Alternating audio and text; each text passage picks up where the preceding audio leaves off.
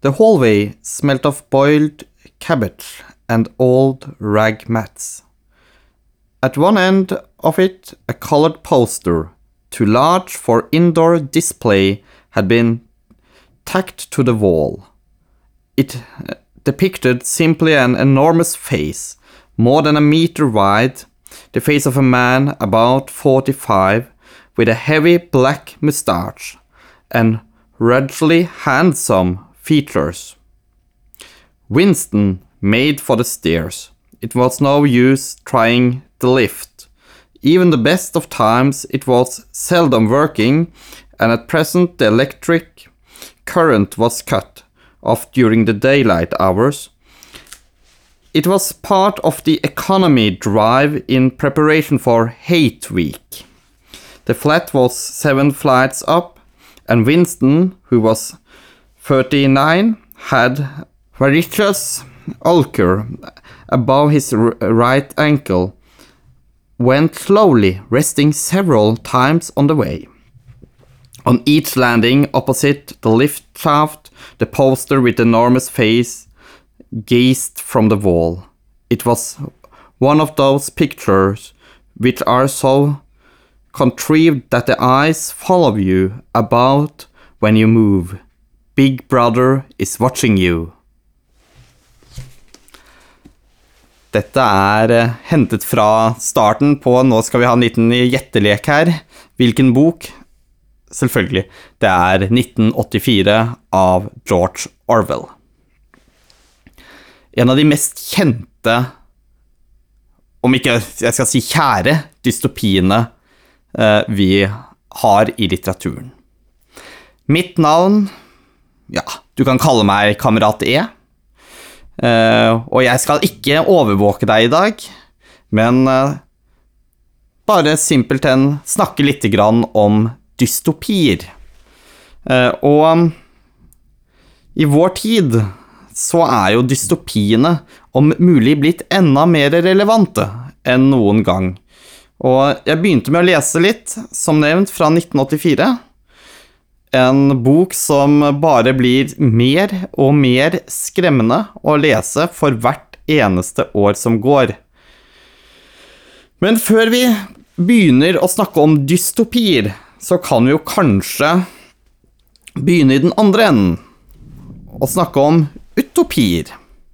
For eh, hvis vi går tilbake i litteraturhistorien, så finner vi allerede på 1400-1500-tallet beskrivelser av det perfekte idealsamfunn.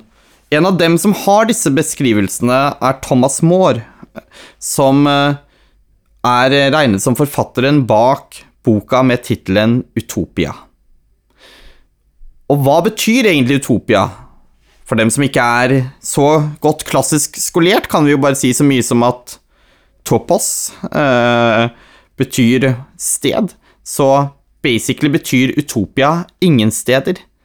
Eh, altså et eh, fiktivt eh, drømmeland, en øy, eh, styrt etter andre typer prinsipper, en annen orden, en annen harmoni enn resten av verden, men like fullt en eh, et sted som ikke egentlig eksisterer, et sted du ikke kan reise til, eh, et sted du ikke kan komme til.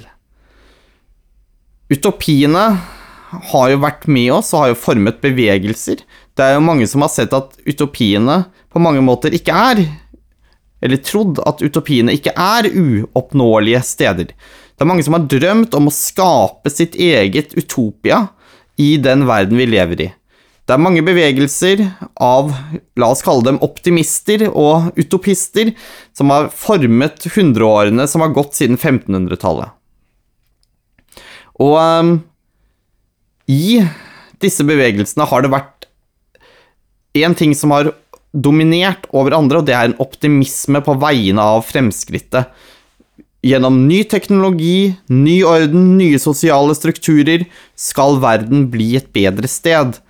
Og det vil da være mulig å organisere verden på en måte som er mer rettferdig, mer harmonisk og bedre for alle borgere.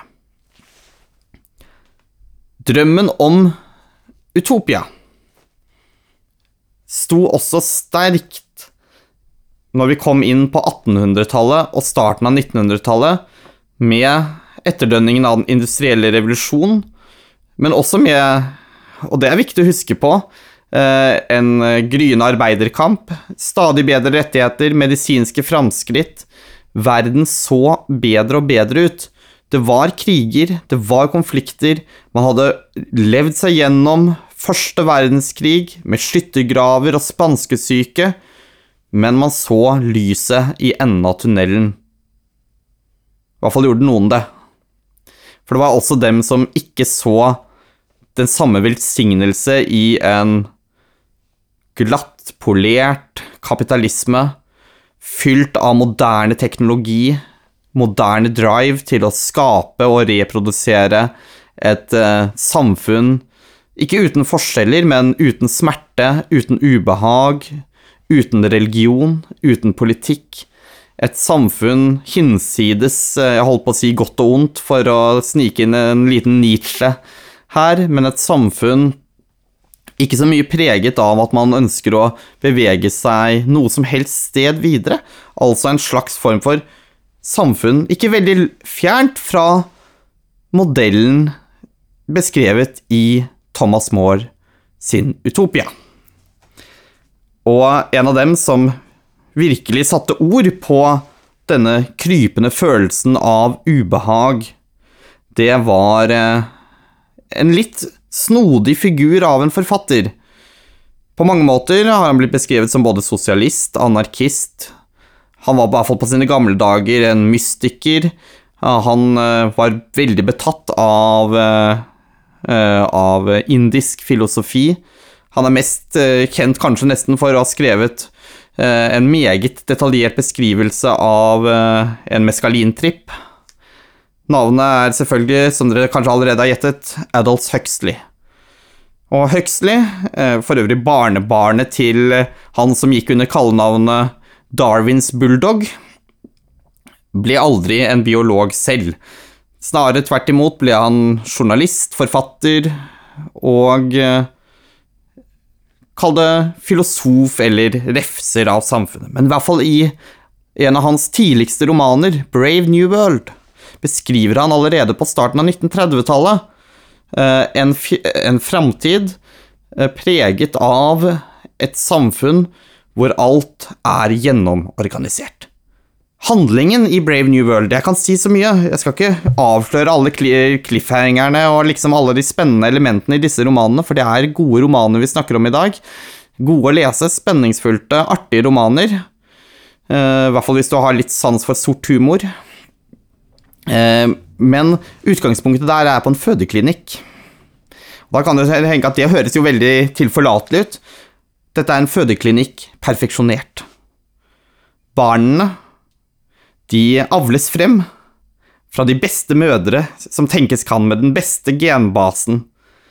Og siden eh, vi her eh, da er i en fjern fremtid, så er de selvfølgelig ikke overlatt til å bli ruget frem i en livmor. Så de ruges fram på glassflasker eh, hvor det eh, tilsettes forskjellige typer kjemikalier for å lede barna inn på de forskjellige funksjonene som trengs i et samfunn. Er det en alfa? Er det en beta? Er det en gamma? Eller er det en delta? Etter hvilken type arbeid de skal gjøre, hvor mye fri tenkning Eh, disse individene skal få lov til å ha når de vokser opp. I en verden der fri seksualitet rett nok eh, er eh, tillatt og oppfordret til, men all reproduktiv sex har opphørt. Alle følelser kanselleres ut gjennom den daglige dosen med soma, som for øvrig i sin tid har blitt brukt som betegnelse på gudenes drikk i f.eks. en del av Indias religiøse tradisjoner. Her kan vi si at Zuma er et slags form for superdrug som kansellerer ut alle humørsvingninger og gjør deg helt flat, men med en jevn følelse av tilfredshet. Og um, i dette samfunnet er det selvfølgelig noen utfordringer, For hvis alle er helt tilfredse hele tiden, hvordan skal de da bruke penger? For å holde kapitalismen i gang ca. 600 år etter Ford, som er blitt den nye Messias i Huxleys vidunderlige nye verden. Så det er starten på en dystopi. Noen kan jo høres ut som at dette her minner tilforlatelig ut som en del av det skisseprogrammet som Moore legger ut i Utopia. Samtidig så gir det også en litt dårlig følelse når vi tenker over hvordan eh, en del områder i verden i dag faktisk er i ferd med å bli styrt inn mer og mer i en retning av en verden hvor alt er polert, alt skal være friksjonsfritt, men samtidig også underlagt streng kontroll. Vi kan selvfølgelig her forestille oss eh, enkelte ettpartistater, jeg skal ikke nevne navn her, eh, men dere kan jo tenke dere hvilke ettpartistater vi har igjen i verden, og så finner dere sikkert et eksempel på en folkerepublikk eh, med noe over en milliard mennesker.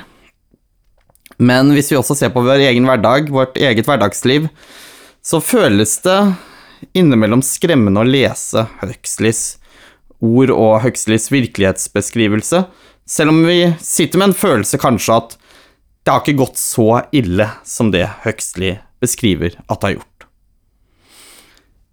Og det er jo vel og bra, for Huxleys øh, verden er ikke en verden du ønsker å leve i. Men kanskje er vi på vei dit allikevel.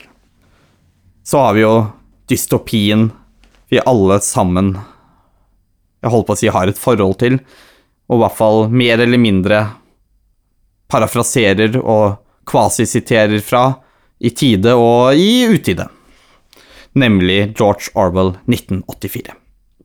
1984 er en fantastisk roman, og det er en roman som har blitt mistolket, misbrukt og lest av hundretusener, ja millioner av mennesker. Og det er ikke uten grunn. Den beskriver et samfunn hvor overvåkningen og den totale kontroll har tatt helt overhånd. Den beskriver et samfunn der storebror ser deg. Der eh, man har lagt nye ord og restrukturert språket, slik at det er tilpasset et nytt totalitært regimes behov. Er dette regimet sosialistisk? Tja. Er det kapitalistisk? Tja. Hva er det? Ehm, det er et godt spørsmål, og kanskje er ikke det det viktigste. Men derimot mekanismene som beskrives. Hvordan borgerne tvinges inn til å akseptere og underkues systemet, hvordan systemet er overalt, alltid. Hvordan det lytter på deg i din egen leilighet. Hvordan det nitidig noterer seg ned alt du sier, alt du gjør. Til og med dine innerste tanker leser det før du rekker å tenke dem selv.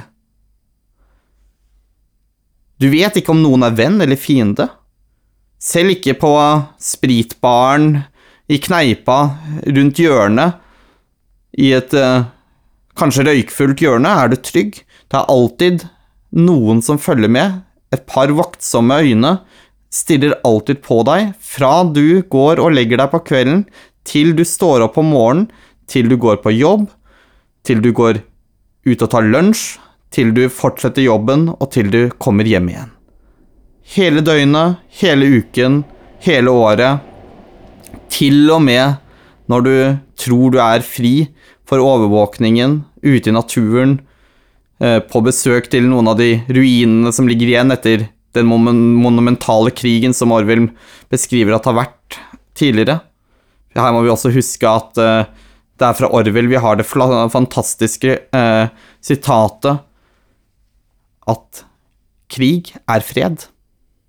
Det er eh, selvfølgelig og kan være ubehagelig å lese dette. Og jeg forstår veldig godt at folk syns dette var ubehagelig å lese, f.eks. på 50-, 60- og 70-tallet, med KGB-agenter og CIA-agenter og lokale politiagenter eh, virrende rundt omkring i en evig stormaktskamp mellom øst og vest. Derimot, når vi leser dette i internettets tidsalder, så er det bare som det går en isende kulde nedover i hvert fall min ryggrad. Beskrivelsene av å bli lyttet på hele tiden.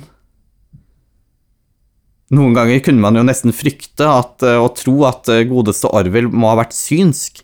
At han hadde reist inn i fremtiden og sett eh, Amazon, Google, Home Alle disse aktørene sine forskjellige mikrofoner som på sitt eget såkalt intelligente vis lytter til oss, gjenkjenner ø, våre behov, sånn at de allerede når du kommer hjem fra jobb, vil foreslå hvilken av de forskjellige Om du vil ha kaffe, te eller øl fra kjøleskapet ditt. Det er noe ubehagelig ved å være sanndrømt. Det er enda verre å skulle lese en, en i enkelte tilfeller kanskje 100 år gammel dystopi, og innse at samfunnet vårt i dag er skremmende nær ved den beskrivelsen som ligger der. Ikke det at jeg her vil si at dette er bare sånn det er politisk litteratur du må lese fordi du trenger litt dannelse. Selvfølgelig trenger du litt dannelse, men det har også noe med å innse og bruke disse, denne litteraturen ikke bare som underholdning, for det er god underholdning. Det er mye god humor her. Veldig fine beskrivelser eh, innimellom. Eh, men som også forteller oss noe om, enten det er hos Orwell eller Huxley, hvordan samfunnet vårt er i dag, og få oss til å begynne å reflektere og filosofere over de livene vi er i ferd med å havne inn i, gjennom de utviklingstrekkene som går bit for bit, skritt for skritt, knepp for knepp, videre fremover gjennom utviklingen. Som sagt, jeg vil ikke røpe for mange av alle disse herlige ideene som kommer opp hos Orwell og Huxley. Hos Huxley så finnes det reservater for såkalt urfolk, hvor både det vi i vår verden i dag kaller urfolk, men også folk som bruker såkalt utdødde språk som spansk og italiensk og fransk og ikke oppdatert fordiansk engelsk, lever. Og de har skremmende ting som religion og enda mer skremmende følelser. Hva skjer, tror du, når en fra denne gamle verden blir introdusert for den vidunderlige nye verden? Og hva skjer når en fra den vidunderlige nye verden plutselig finner et eksemplar av William Shakespeare sine samlede verker? Det er et godt spørsmål. Hvem er det som egentlig er hjernevasket? Hvem er det som er fri? Hvem er det som egentlig har evnen til å kjenne på lykke og ulykke?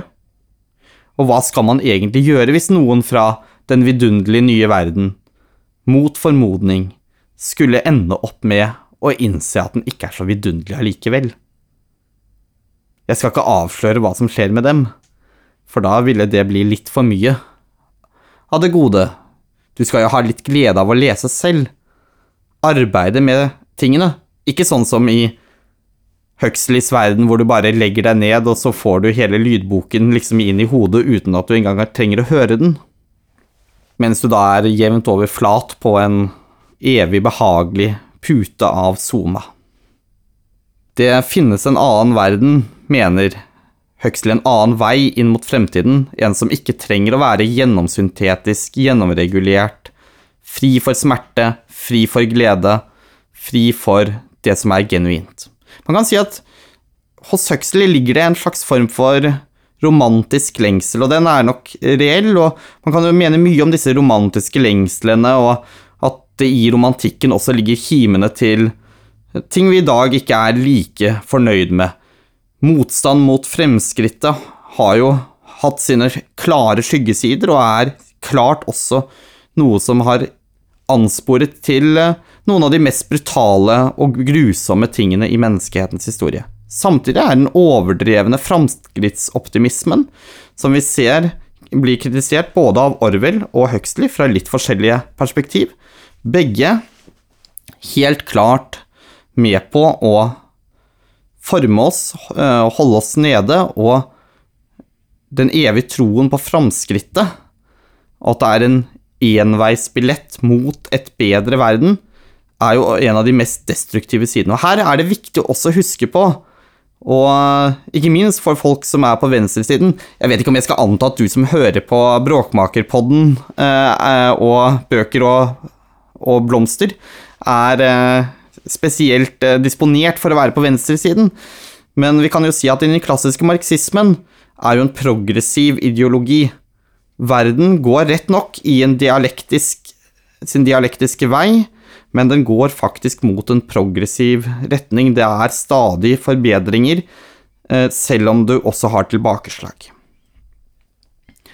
Her kan det jo være interessant å trekke fram en annen bok.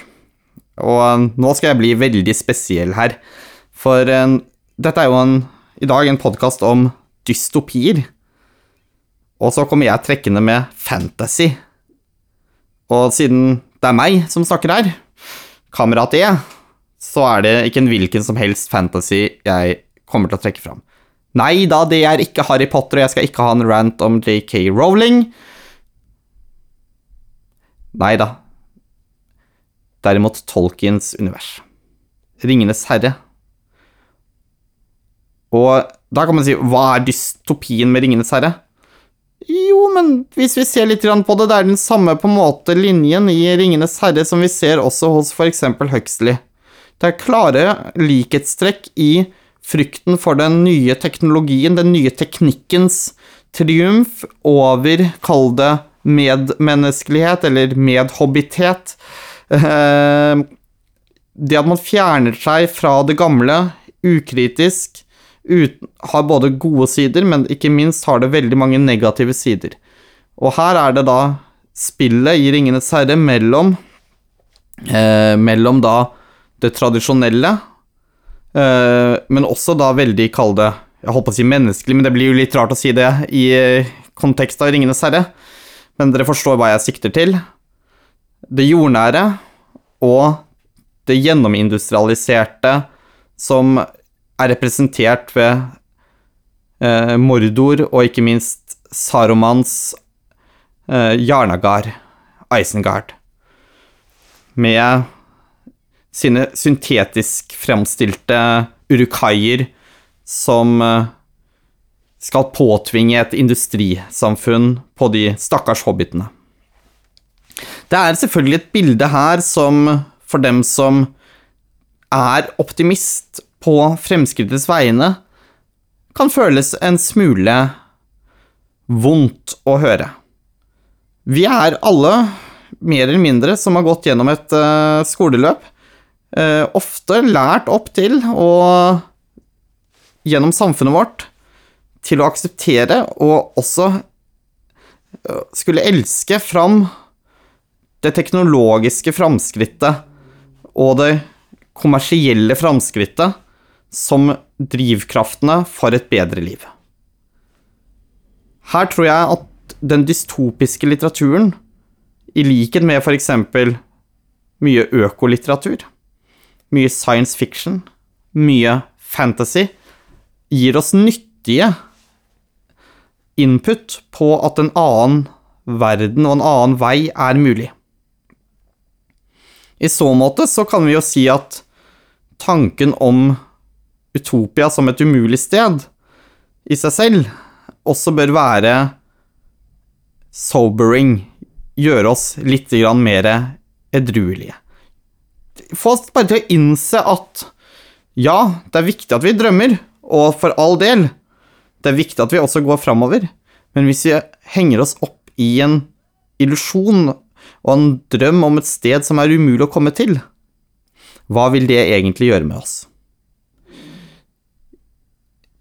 Personlig vil jeg jo si at det er viktig at vi har drømmer, og det er viktig at vi ser mot andre mulige steder å være enn der vi befinner oss per nå. Hvis ikke så står vi bom fast med de problemene vi har i dag, og det vil uansett ikke være optimalt i seg selv. Det er ikke dermed sagt at bare vi går framover, enten det er med Maos lille røde eller med en versjon av moderne businessteori på innerlomma, at verden vil bli et mye bedre sted.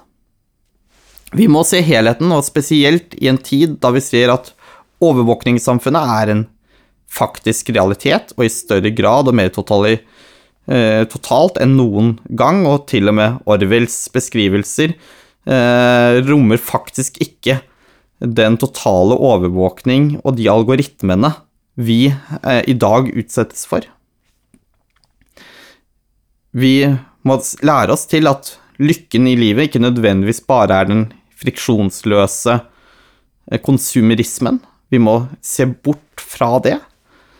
Eh, vi må tenke oss at det er mulig å ha en verden hvor kanskje også smerte og levd liv har i seg selv en verdi. Spesielt på venstresiden tror jeg det er mange som kan ha godt av å reflektere også mer over disse verdiene, disse spørsmålene. Hva betyr egentlig eh, det?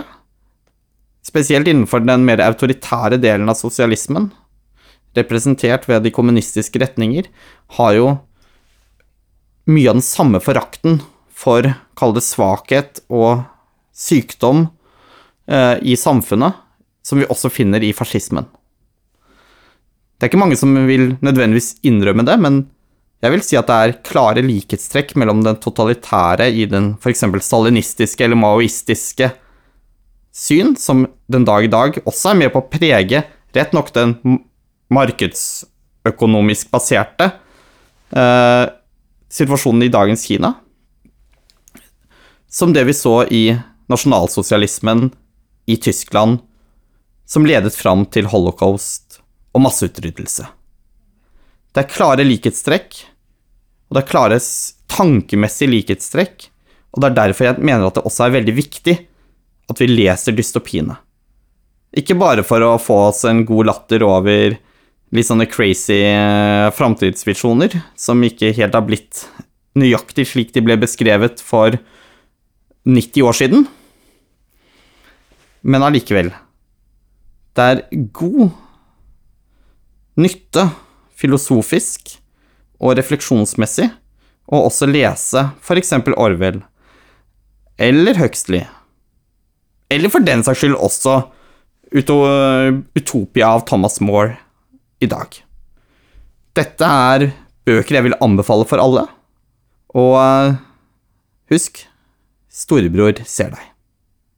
Og i dag har jeg vært veldig heldig, for i dag har vi fått spilt inn nesten uten forstyrrelser, verken fra rotter eller måker, eh, eller løpende barn.